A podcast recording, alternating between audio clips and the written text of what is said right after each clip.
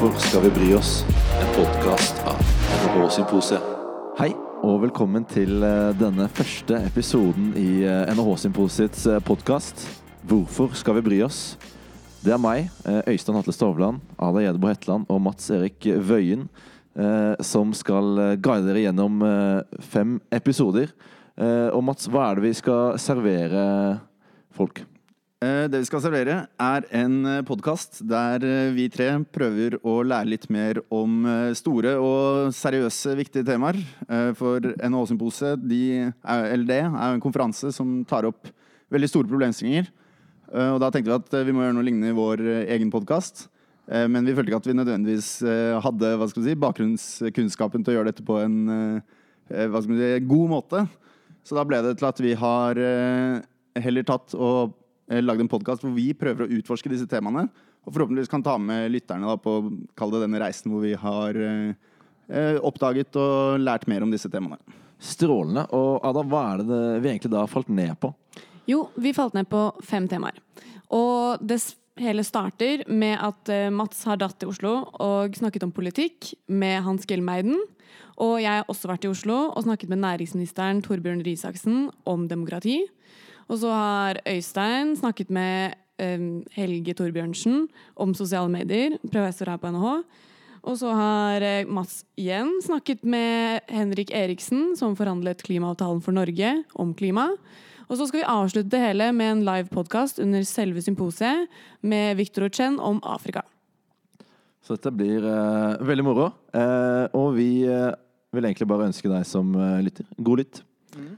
Og første episode den er om eh, politikk. Så da har eh, i første omgang jeg reist til Oslo for å prate med Hans Gelmeiden om dette temaet. Det ble en eh, forhåpentligvis spennende samtale om politikk, norsk politikk spesielt. Og kanskje ekstra med fokus på NH-studenter og hva mennesker med vår bakgrunn da, kan ta med seg inn i politikken. Så da er det bare å høre på det, og så er det en liten det vi kaller ettersnakk etterpå. Du hører på Hvorfor skal vi bry oss?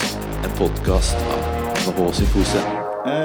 til dagens episode av podkasten til NHH-symposiet Hvorfor skal vi bry oss? har vi vært så heldige å få med Hans Gelmoiden. Hans Gelmoiden eh, han er siviløkonom fra NHH. Gründer og leder av Gelmoiden Kise. Og en, eh, gjennom sin posisjon en ivrig samfunnsdebattant og en av de med evne til å sette dagsorden og påvirke agendaen i den norske samfunnsdebatten. Så først og fremst, tusen takk for at du tar deg tiden, og hjertelig velkommen til vår podkast. Ehm, dagens tema er jo norsk politikk, eh, og politikk eh, mer generelt. Eh, hvor vi ønsker å utforske litt hvorfor er politikk noe vi som studenter, og NHO-studenter spesielt, noe vi burde engasjere oss for. Derfor tenkte vi hva passer bedre enn å få med Hans Gilmorden, tidligere NHO-student og ivrig innenfor feltet, til å prate med oss litt om dette. Så jeg tenker jeg kan starte med å stille det åpne spørsmålet. Eh, Hans, hvorfor burde jeg bry meg om eh, norsk politikk? Fordi du burde bry deg om eh, fremtiden din. Og jeg tenker også at alle borgere i det norske samfunnet har en fordømt plikt til å engasjere seg i hvordan fellesskapet vårt skal defineres. Hvilket fellesskap vi ønsker. Og da er politikk måten vi definerer fellesskapet på. Mm. Så Eh, alle mennesker eh, lever et liv som er større enn dem selv, fordi vi er eh, flokkdyr og lever sammen. Og det er politikken som definerer spillereglene for hvordan det samkvemmet skal fungere. Mm. Det, jeg syns det med flokkdyr er litt interessant, for det er kanskje føler jeg kanskje hovedgrunnen til at jeg ikke har syntes politikk er så voldsomt spennende.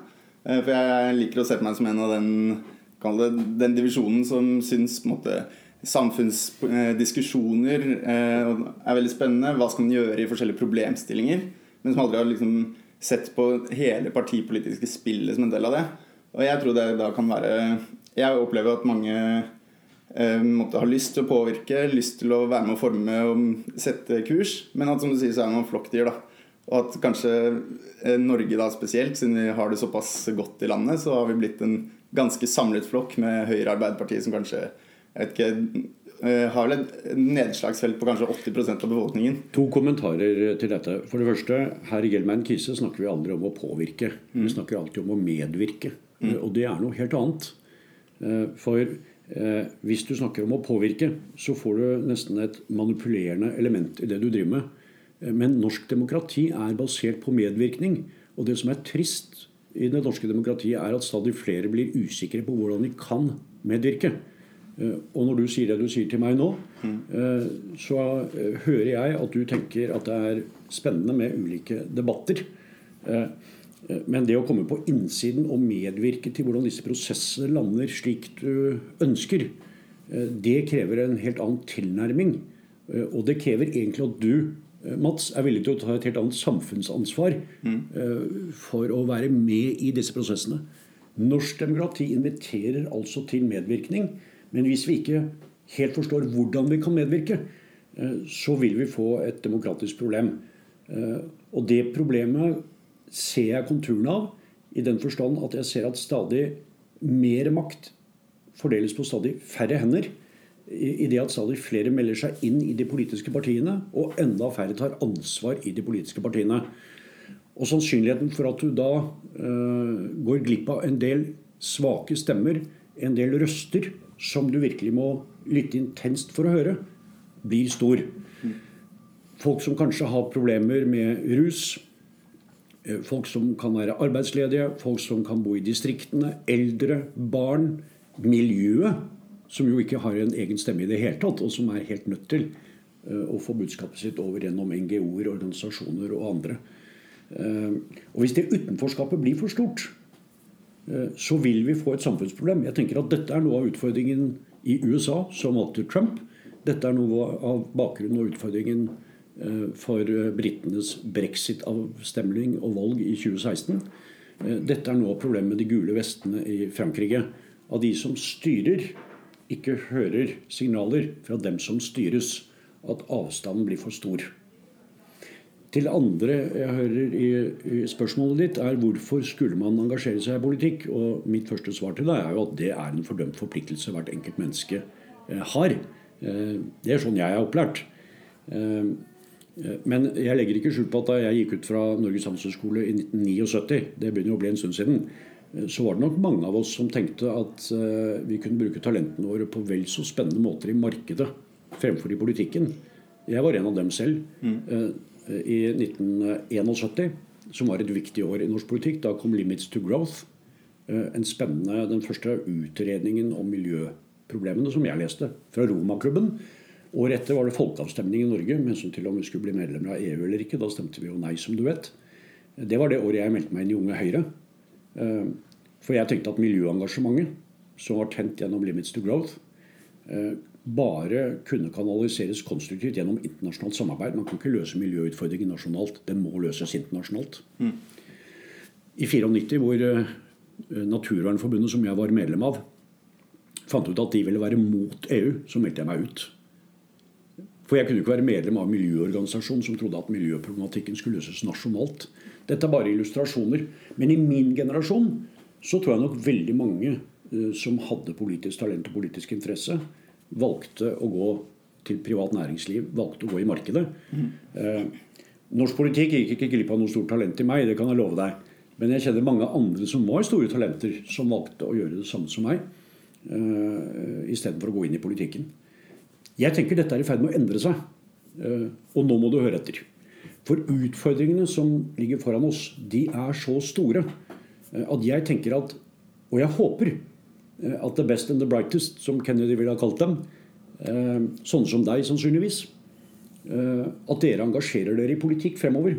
For de, de utfordringene som ligger fremfor oss nå, de er så mye større enn de var i 79 da jeg gikk ut fra Norges handelshøyskole. Eh, vi har enorme utfordringer på energi, enorme utfordringer på klima, enorme utfordringer på fattigdom. Eh, og vi begynner å få noen sikkerhetspolitiske utfordringer i tillegg. Alle disse utfordringene er utfordringer som må løses politisk. Og vi trenger de dyktigste blant oss eh, til å engasjere seg for å få dem løst. Så jeg anbefaler min yngste datter, som er 16 år gammel, å engasjere seg politisk. Det er det samme for meg hvilken vei hun engasjerer seg. Eh, men hun må engasjere seg. Og det må du òg.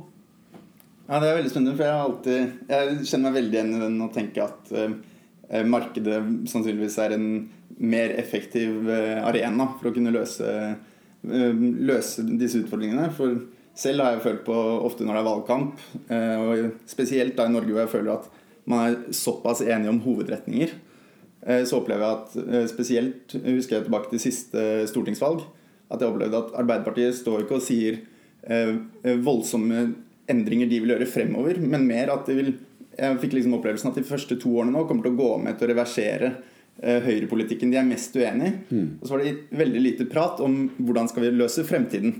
Eh, når man prater om olje, hva, hva er den nye oljen, hva skal man gjøre etter, når man skal fase ut oljekrisen, ikke fase ut oljekrisen, men fase ut oljenæringen, uh, så er det ikke noe snakk om det er, noe, det er, bare snakk om når, om vi skal. Men det er ikke noe snakk om hvilke næringer skal vi som nasjon dyrke opp? Hvilke, ja, hva skal vi gjøre? Så jeg føler at den mest effektive måten hvis man ønsker å være med å forme det grønne skiftet i Norge, ville vært å engasjere seg i et firma som driver med solenergi, og prøve å bygge det opp for å ta en relativ markedsandel og bli konkurransedyktig. Men, men, du vet, når du, når du, snakker om disse skiftene, så kan ikke disse skiftene uh, skje i markedet alene. Mm. Uh, så, så, jeg tenker at alle store skift initieres teknologisk følges opp med markedsløsninger som så reguleres politisk.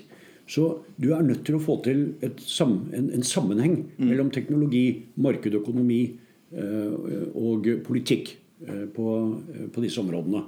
Og i øyeblikket så tenker jeg kanskje at markedet på en god del områder ligger foran politikken.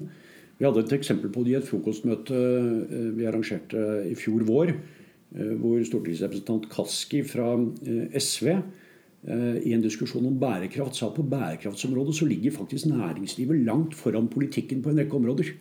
Ja, Da tenker jeg at vi er nødt til å få på plass politikere som er enda dyktigere, sånn at politikken kommer a jour. Eh, jeg husker Da jeg gikk ut fra Handelshøyskolen selv i, i 79, så sa rektor Stoltz den gangen eh, at når dere nå går ut fra NHH, så håper jeg dere har lært tre ting. Eh, at dere har lært å tenke alternativt, at dere har lært å tenke marginalt, og at dere har lært å tenke profitabelt. Eh, og Hvis du overfører dette til politikken, eh, så tenker jeg vi nå har en politisk klasse som først og fremst er trent til å tenke marginalt, altså gjøre mer eller mindre av det samme. De løper på hamsterhjulet, men vi trenger sannsynligvis en ny politisk generasjon som er i stand til å tenke alternativt. Fordi problemene våre er, handler ikke om å gjøre mer Eh, av det gamle. For mer av det gamle vil sannsynligvis bety at vi gjør mer galt. Så vi må ha nye blikk. Vi må tror jeg, forynge og fornye den politiske tenkningen eh, for å komme à jour med de store problemene. Så vi trenger flere alternative tenkere. Eh, og det håper jeg kan komme med den generasjonen du representerer, og som min yngste datter representerer. For oss som er 62, så er sannsynligvis løpet kjørt. Ja, om ikke løpet er kjørt, så har vi iallfall lengre tid å, lengre tid å yte innsats hvis vi er riktig generasjon. Det er sant. La oss se det på den måten. Eh, så du mener altså at politikken er riktig arena om man ønsker å være med å gjøre det? Det er, det er, er flere arenaer, men jeg tenker at den politiske arena er den arenaen som er minst à jour med utviklingen, faktisk. Og som er reddest for endring av en eller annen merkelig grunn. Eh, og jeg er ingen revolusjonær. Jeg tenker at vi må tenke evolusjon. Mm. Men det handler om at vi får på plass eh, politikere med ideer og med visjoner. Og politikere over hele Europa i dag er trent i et annet regime. I et ekstrapolerende regime. Der man også kunne gjøre mer eller mindre av noe. Men jeg tror altså at man må bli flinkere til å gå ut av boksen for å se nye muligheter og jobbe på andre måter. Eh, og da, og da er det ofte lettest å gjøre for nye sirkushester. For vi gamle vi fortsetter å fremføre de gamle triksene. Vil jeg, vil jeg si at du egentlig Eh, savner en samfunnsdebatt hvor det er større rom for de som er utenfor partipolitikk. Eh, I den forstand at jeg opplever at de store debattene i samfunnet At det er jo, det er jo et hierarki i politikken med ungdomspartiene hvor du man kan si oppdras til partipolitikken, og så får man en ny generasjon Arbeiderpartipolitikere og en ny generasjon Høyrepolitikere. Savner du da en arena hvor man kan komme utenfra? For jeg opplever at skal du Eh, kall det opp og frem i politikken, så må du nesten begynne på ungdomsskolen hvis du skal ha noen karrierevei. Ja, jeg, jeg, jeg, tenker at De politiske partiene har en enorm utfordring i å organisere arbeidet sitt på en helt annen måte, sånn at de både tiltrekker seg nytt talent, men også at de mobiliserer mye bredere. Eh, hvis du ser utviklingen for medlemstall f.eks. i ungdomsorganisasjoner, så har det stupt vedvarende i, i lang lang tid. Det syns jeg er svært bekymringsfullt. Uh, og, og, jeg tenker at hvis de eksisterende partiene i stadig mindre grad lager politikk som mobiliserer, uh, så vil jo kontaktflaten deres bli stadig mindre, mens problemene blir stadig større. Og da er sannsynligheten for at de klarer å løse problemene, også ganske små. Så man må mobilisere mye bredere enn det man har klart å gjøre. Og det er jo ikke sikkert at man gjør det med den gamle måten man organiserer politikk på, med landsmøter, tillitsvalgte. Eh, der løpene egentlig langt på vei handler først og fremst om å riste av seg plagsomme konkurrenter, mm. sånn at man blir valgt selv. Eh, så jeg tenker man også her må tenke organisering av politikken på nye måter. Jeg, jeg syns du, du, ser ganske klare tendenser til dette over hele Europa i øyeblikket, også i Norge. La meg ta tre partier som da har stor fremgang for tiden som egentlig ikke kommer fra establishment. Eh, ta MDG. I Oslo kan de ved kommunevalget nå til høsten godt få, få 10 eh, Og jeg skjønner det godt. Jeg har stor sympati for store deler av det politiske budskapet selv. Jeg syns en representant som Lan Marie Berg gjør en helt fantastisk jobb eh, for, for, partiet. Jeg tenker at dette kan bli kommunevalggjennombrudd for det partiet. Rødt. Moxnes er jo en skremmende sjarmerende revolusjonær. Mm. Eh, eller ta eh, nasjonalistpartiet eh, Senterpartiet.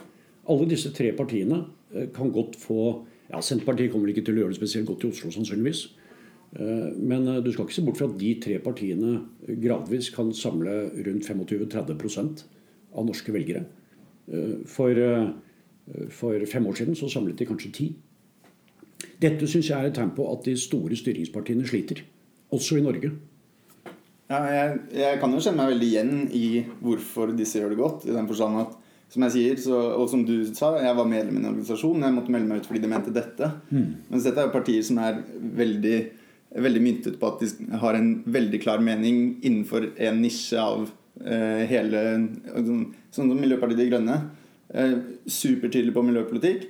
Eh, og så samarbeider de på andre politiske områder. Der søker de samarbeidspartnere mot at de skal få gjennomslag på sitt, sitt område. Så de sånn som meg, da, som sier ja, jeg er veldig engasjert i enkeltsaker, men ikke liksom hele partiet, så ville det vært superaktuelt hvis det var et eh, parti som jeg følte at traff min nisje. Okay. det ville jo et parti Å, her er det et parti jeg faktisk kan gå inn i og være med og være med og bidra på de områdene som jeg brenner for, uten å måtte ja. svelge kameler på andre meningsområder. Jeg har tre barn selv. Eh, 35, eh, 32 og 16. Eh, Eh, og har hatt stuen full av unge mennesker eh, i, i, i, i 35 år. Og elsker å snakke eh, med unge mennesker som kommer inn. Disse kjenner seg i stadig mindre grad igjen i budskapene fra de store styringspartiene. De føler seg fremmedgjort.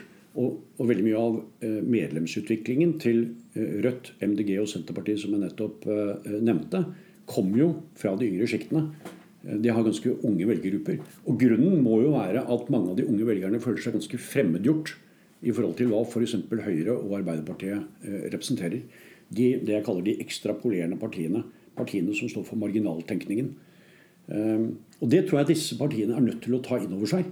Eh, Høyre har vært mitt parti gjennom det aller meste av, av mitt liv. Jeg har stemt Arbeiderpartiet en gang. Jeg har stemt Venstre ved et par anledninger. Men, men, men, det er Høyre som har vært mitt parti hele tiden. Eh, og det har ikke vært lett å være miljøtenker i Høyre, for å ta, eh, for å ta et eksempel. Mm.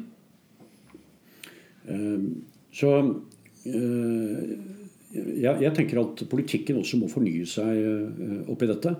Og ta signaler oppi dette. Og jeg tror også organisere seg på en annen måte.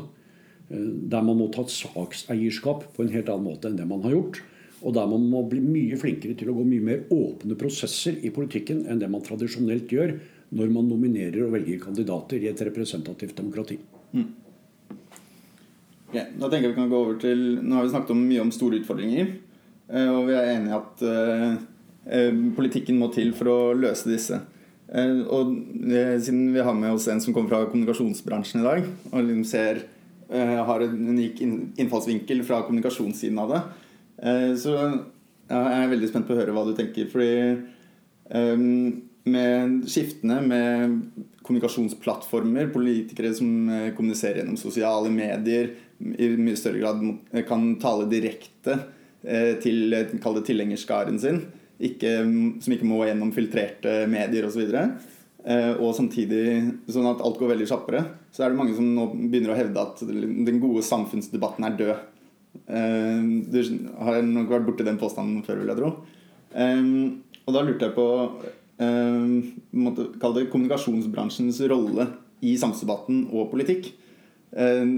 Fordi jeg opplever at kommunikasjonsbransjen eh, har blitt kall det viktigere og viktigere, og at eh, mer og mer av det som eh, kommuniseres fra politisk hold, eh, går via eh, kommunikasjonsbransje eller kommunikasjonsrådgivere internt osv.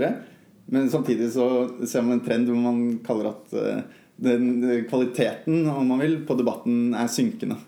Skjønner du deg igjen i, i påstandene, eller er det um uh, jeg, jeg, tenker at uh, de gamle meningsdannende elitene har fått mye mindre makt, og det er de forskrekkelig frustrert over.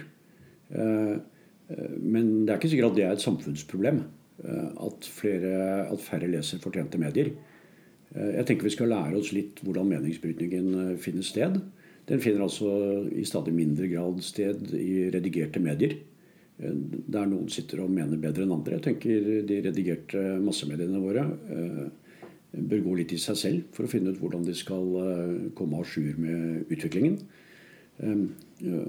Fordi det er, andre arenaer som betyr eh, mye mer. Eh, noen arenaer syns jeg er inspirerende og meningsfulle. Noen syns jeg er tiltagende hatefulle. Sånn som Twitter syns jeg er blitt et ganske rått sted å være. Jeg trives dårlig der selv. Jeg syns Facebook er langt mer forsonende. Eller, eller LinkedIn, for å nevne noen plattformer. Eh, eller våre egne nettsider. Vi kjører vårt eget eh, I Gelmeiden Kise så kjører vi vårt eget eh, mediesystem der vi nå like mange som en stor norsk lokalavis, mellomstor norsk regionavis. Og har på, pågående diskusjoner. Jeg pleier å si kommunikasjonsmessig så, så er det hybris å tro at du kan kontrollere debatter. Men du kan kontrollere arenaer. Og det tenker jeg vil være måten det må fungere på, på fremover. Det som er vakkert med utviklingen, eh, er jo at debattene blir eh, mindre elitistiske. Ved at mange flere eh, kommer frem med synspunktene sine. Og så er det jo klart at det dermed også kommer frem en del aparte synspunkter. Men det syns jeg vi kan la oss skremme av. De ville jo vært der uansett. ikke sant? Så det syns jeg ikke er noe sterkt argument for at vi skal ha en, en redigert meningsdannelse. Redigert elitistisk. Så jeg liker altså Eh, at debattene eh, blir preget av mer massekommunikasjon, at mange flere kommer til eh, orde. Og så er min terskel for å fordømme en ytring veldig høy. Altså Det skal veldig mye til før du sjokkerer meg. Mm. Så jeg tenker folk får få litt tjukkere hud for å delta i dette. Ja. Men, men, på Twitter tenker jeg det tidvis er ganske ubehagelig å være. Det må jeg, det må jeg få lov å si. Um, nå, nå havnet du på en måte på to trekk. Både det med at alle får at det er større rom for å ta del i debatten. Og det snakket vi om tidligere, at det er noe av det viktigste. At eh, politikere må, at man må minske avstanden fra politikere til folk. Og det høres jo egentlig dette ut som en, eh, en slags løsning på. Mm. Eh, men eh, jeg hadde et litt annet i sikte også. For når vi, vi, snakker om hva må til for å løse disse utfordringene. Eh, og det er jo helt tydelig at dette er så store utfordringer at de kan ikke løses gjennom et budskap på én setning. eller at det, kreves store debatter og eh, grundige diskusjoner for å klare å stake ut retning for å løse slike utfordringer som jeg snakket om, f.eks. klima. Eh, er det da eh, Har jeg riktig da, i påstanden om eh, det, er mulig at jeg tar feil, men jeg opplever at det er mindre rom i dag for kall det lange, gode argumenter og grundige analyser. At man må at man har ikke tid til, eller er det rett og slett bare at da er man ikke god nok til å kommunisere analysen sin? Jeg er veldig glad for at du sier at det er mulig at eh, jeg tar feil. Eh, det er mye mulig at jeg tar feil også, kan jeg, kan jeg fortelle deg. Men jeg, jeg tenker at, eh, at, det må vi kunne tilgi hverandre. Og, det, og, nå tror jeg egentlig du er inne på noe av kimen i, i, hvordan vi kan få demokratiet vårt til å fungere bedre. Det er kanskje skapt en illusjon om at det finnes folk der ute som ikke tar feil. For meg er det en illusjon. Jeg tror vi tar feil jevnt og trutt alle sammen. Eh, men, jeg, men, det er jo nettopp her meningsbrytingen blir så viktig for å korrigere disse feilene. Eh, hvis du går inn i et ordskifte fordi du tror du har rett, så går du inn på feil premiss. hvis du går inn i ordskiftet i den tro eh, at dette er det beste jeg har klart å tenke til nå, og så spør er det noen der ute som klarer å tenke bedre, ja, da tenker jeg at vi får en mye bedre meningsbrytning også. Mm. Med teser, antiteser og synteser.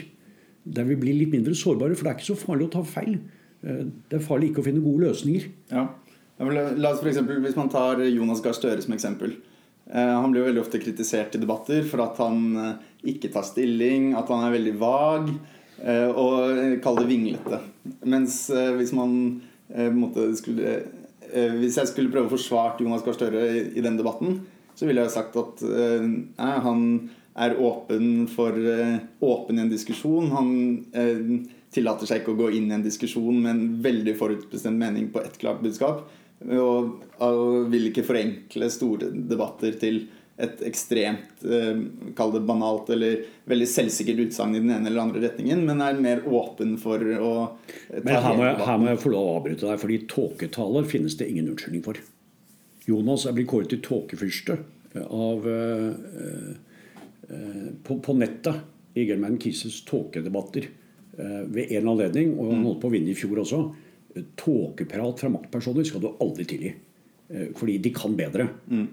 Jonas kan mye bedre. Men han har ikke guts til å være tydeligere. Og det finnes det altså ingen unnskyldning for.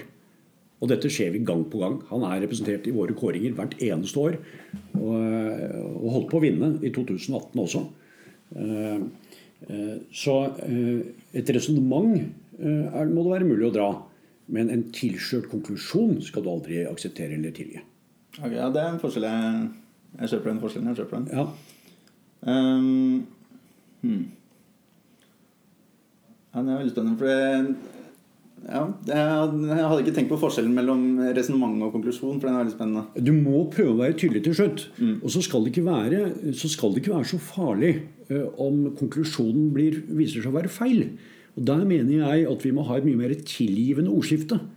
Uh, for det, vi bommer jo jevnt og trutt alle sammen. ikke sant? Det var derfor jeg sa til deg i sted også at uh, du bommer, jeg bommer. Um, men så lenge vi gjør vårt beste, så må det altså være mulig å få tilgivelse. Og så sier jeg men vet du hva, jeg hører hva du sier, uh, og du tenker bedre enn deg. Når hørte du sist noen si det i et politisk ordskifte? Ja, det, Da må jeg grave lenge, tror jeg. Ja, jeg, Og jeg tror ikke du finner det. For vi følger ordskiftet tett. Og, jeg, og jeg, har ikke, jeg har ikke, og bare det at noen sier at vet du hva, jeg tok feil det skal du også grave ganske mye for å finne. Men, men, jeg tenker at det må være lov å si det. Fordi vi tar faktisk feil innimellom. Det skulle bare mangle. Vi er jo bare mennesker. Ikke sant? Ja, Sannsynligvis hadde du fått mye større vekt bak de nye argumentene og meningene du kom med. Det tror jeg, det tror jeg nemlig også, så det er et ganske interessant eksperiment å gjøre det. Og alle vet at vi tar feil allikevel. Alle vet, Hvorfor skulle politikere være ufeilbarlige? Ikke sant? De er jo mennesker. Ja. Så så, så, det er noen sånne grunnleggende premisser for samfunnsdebatten jeg gjerne skulle sett gjort om igjen. Og at vi var mer åpne eh, for å finne løsninger når vi snakker sammen. Eh, I den forstand at ja, Jeg pleier å si at uh, min erfaring etter uh, å ha deltatt i politisk ordskifte fra jeg var uh, 12-13 år gammel, er at mennesker jevnt over kan og vet mindre enn du tror. Men de skjønner mer enn du tror.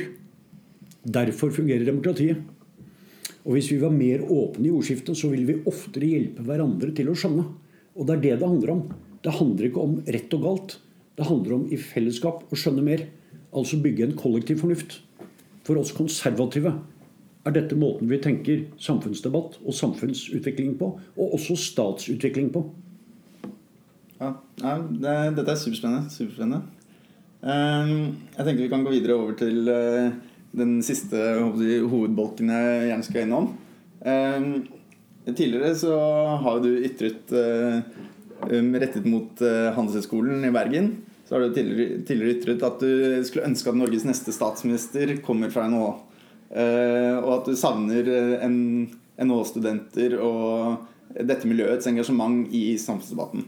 Eh, da lurer jeg på, er dette fordi du som gammel NHH-student ønsker eh, at flere derfra skal eh, tre inn denne veien? Eller er det fordi du mener at NHH-studenter og mennesker med denne type bakgrunn har en kall det er spesielt godt egnet for å skulle delta i samfunnsdebatten? Ja, jeg, jeg, tenker det siste. Altså, først og fremst så tenker jeg at det er en moralsk forpliktelse for alle samfunnsborgere å delta i definisjonen av fellesskapet vårt. Og det gjøres i politikken.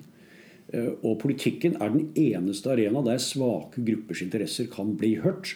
Uh, og mange mennesker på Norges handelshøyskole har svært godt av å forstå hva svake gruppers behov er, fordi de selv representerer en ganske privilegert gruppe. Og så er det slik at Jo mer privilegert er, jo større ansvar må du ta. Eh, derfor har jeg vært litt eh, Derfor skulle jeg gjerne sett at flere studenter på Norges handelshøyskole ville være med å ta et ansvar for fellesskapet vårt. Rett og slett fordi det er en ressurssterk gruppe eh, som den politiske debatten trenger for å klare å bringe den debatten fremover. Og jeg tenker det skjedde noe. altså Jeg, jo, jeg gikk ut i, fra Handelshøyskolen i 79. Eh, og det skjedde noe en gang på 80-90-tallet eh, hvor man uh, istedenfor å stå og krangle så busta fuck, sånn som vi gjorde på 70-80-tallet Jeg mener ikke alt var bedre før, jeg altså. Men det, men men det skjedde, skjedde, et eller annet på 80-90-tallet hvor man istedenfor å krangle som busta føk, i stedet begynte å gi hverandre klemmer og ønske hverandre en god dag på lesesalen. Så man, ble, man fikk stadig, flere ubåter, som vi kalte det i min tid på Handelshøyskolen. Ubåter var sånne som Eh, gikk, dukket inn på lesesalen eh, klokken åtte om morgenen, og som dukket opp ved syvtiden om kvelden for å gå og legge seg. Eh, så jeg, tenker vi, vi, trenger flere som vil være med på å engasjere seg i å forme samfunnet og delta i politikken med kunnskapen sin. Rett og slett fordi mennesker med stor intellektuell kapasitet og med mange talenter, og det er mange studenter av den typen på Norges handelshøyskole, de har et større ansvar enn andre.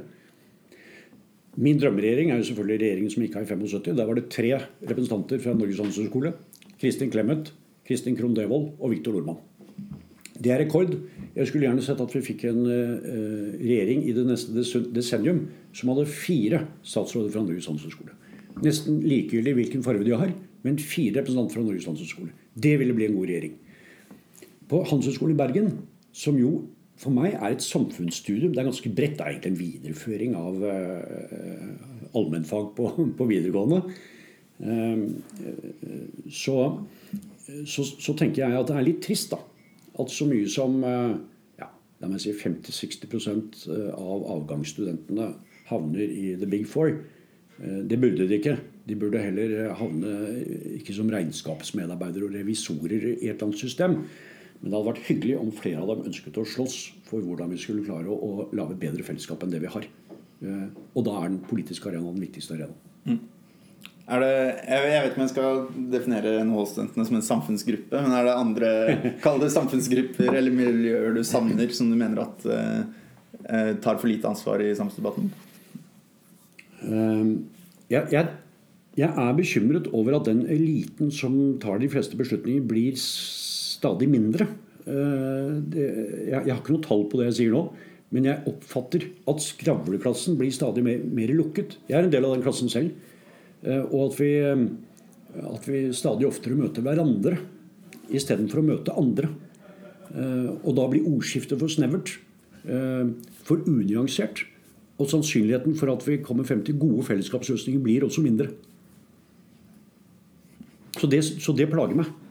Uh, uh, og man skulle jo trodd at uh, digital teknologi og nye medier åpnet muligheten for større samtaler. Men dit er vi ikke kommet ennå. Um, og hvis du da skulle tatt um, Gjerne eksemplifisere med meg, men jeg er da et eksempel da, på en NHO-student som ikke Som måtte, sannsynligvis uh, per nå er på Eh, følger den samme mølla som mange andre på vei inn mot et relativt eh, tradisjonelt eh, økonomisk karrierevei, kaller det. Hvis du forhåpentligvis gjennom denne podkasten så får vi håpe at noen av de NHH-studentene som har hørt på, lar seg inspirere til å utforske muligheten til å gå en litt annen vei enn de kanskje hadde sett for seg. Hvor begynner man da? Hva, hva tenker du er liksom fremgangsmåten? Hvis man Altså, jeg, jeg kommer fra en familie selv Eh, hvor eh, det ble forventet av eh, oss at vi tok samfunnsansvar ved å engasjere oss i samfunnet utenfor vår egen stuedør. Over middagsbordet i mitt hjem så diskuterte vi ikke profittmarginer og forretningsideer eller finans. Vi diskuterte samfunnsproblemer. Og det gjør vi fortsatt over mitt middagsbord. Jeg fant ut selv at, var, at, andre gjorde politikk bedre enn meg. Så jeg meldte meg ut av ungdomspolitikken i 1975 da jeg begynte på Norges handelshøyskole. Og har aldri gått tilbake igjen. Men min lidenskap for politikk har vært stor hele tiden. Men jeg fant ut at mitt utløp måtte komme på andre måter enn ved å være tillitsmann selv. Så jeg valgte å engasjere meg gjennom media, som du sa i sted. Gjennom debatter, gjennom foredrag.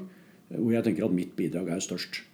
Eh, jeg har forsøkt med varierende hell å mine tre, motivere mine tre barn til å, å gjøre det samme.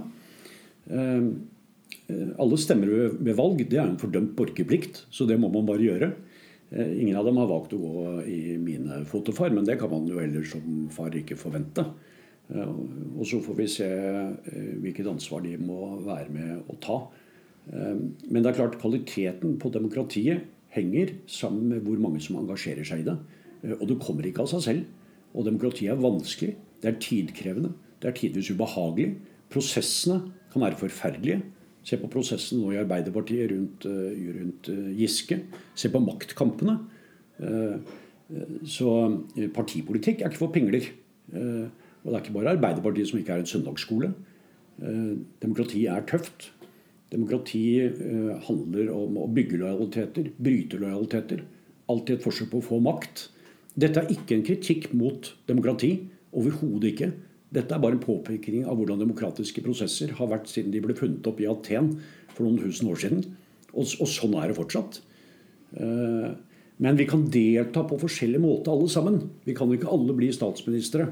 Uh, men vi kan alle engasjere oss for å løse viktige problemstillinger i samfunnet vårt. Vi må ikke tro at det er noen politikere som skal gjøre det.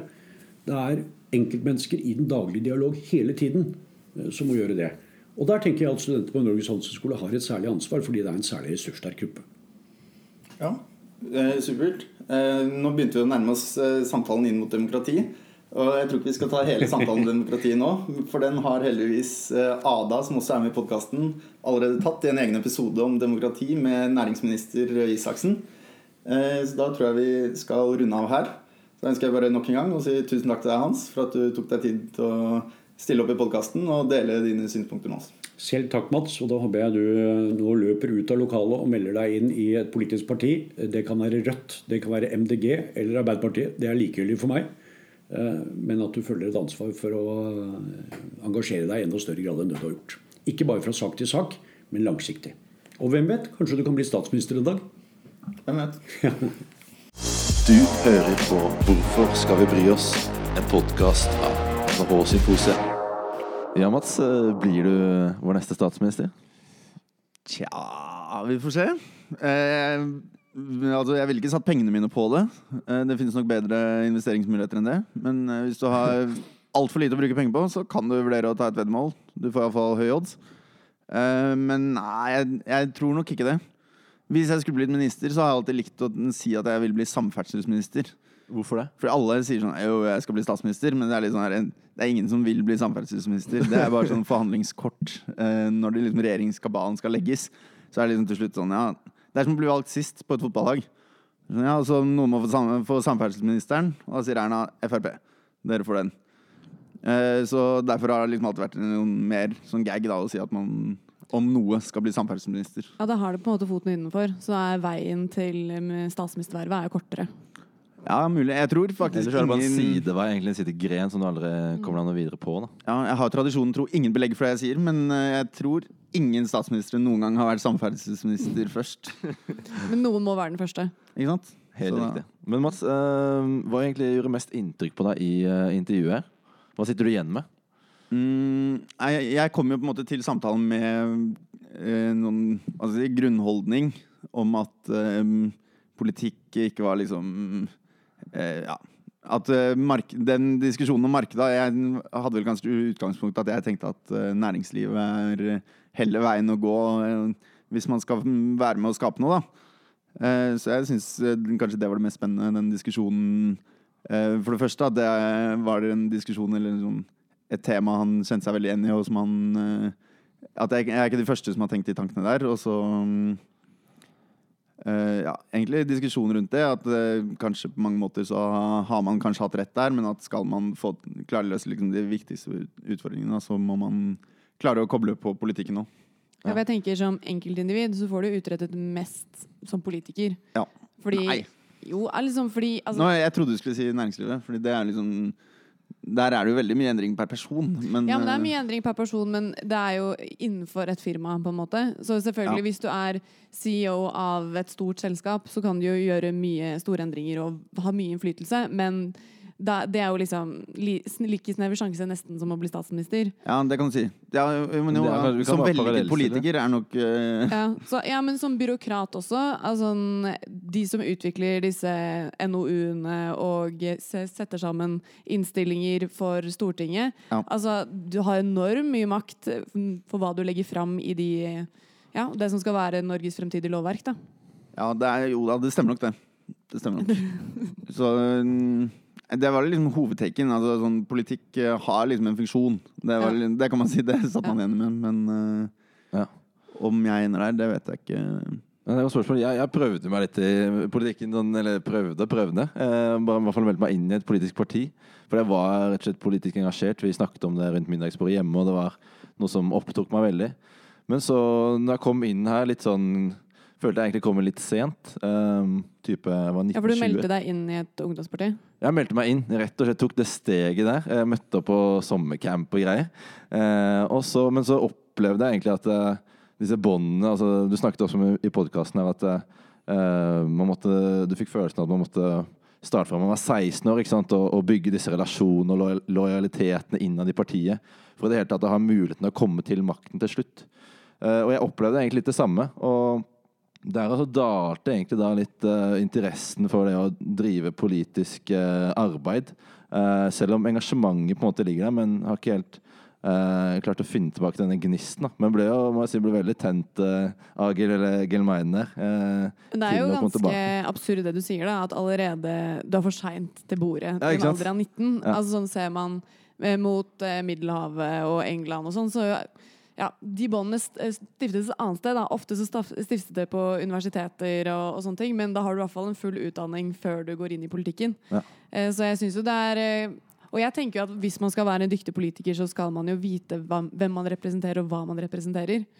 Så jeg synes jo Det er kanskje noe av det største problematikken jeg har. er liksom Inngangen til politikken er via ungdomspartiene. Og ikke at du har vært ute i livet og fått noe lidenskap for enkelte saker, og så har du lyst til å gå til bordet og forhandle. Mm, jeg tror vi egentlig kan eh, enes om det. Altså. Um, vi snakket også i podkasten litt om eh, si, tåketall og sånn. Men da kom vi inn på det med å ha en liksom nyansert, eh, nyansert, debatt, men at man måtte tørre å ha en eh, tydelig konklusjon. Uh, så jeg tenker vi må tørre å ta den utfordringen, vi, da. Og prøve å konkludere på temaet, om vi skal bry oss om politikk. Hva sier du? Hva er dommen, Øystein? Jeg tenker jo ja, eh, vi må jo det. Eh, men det er jo åpenbare utfordringer her. Men eh, jeg, igjen, jeg ble meget inspirert av Hansken Gilmaiden her til å ta tak i meg sjæl og egentlig kjøre en liten politisk vei.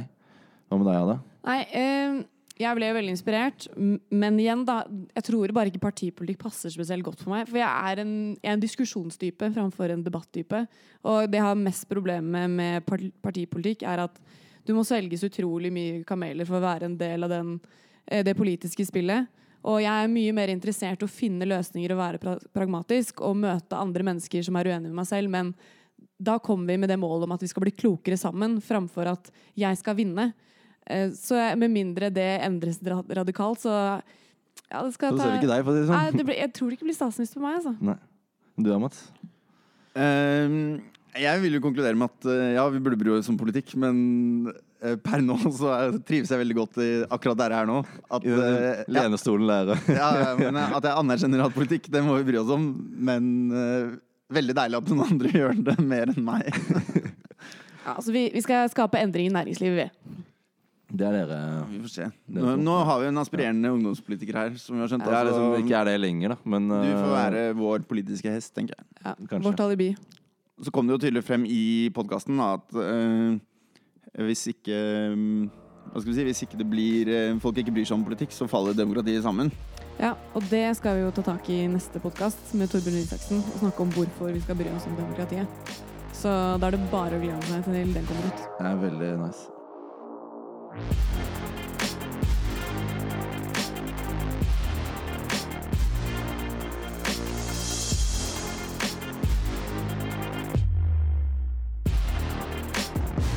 hører på Hvorfor skal vi bry oss? En podkast av NHH Symposiet.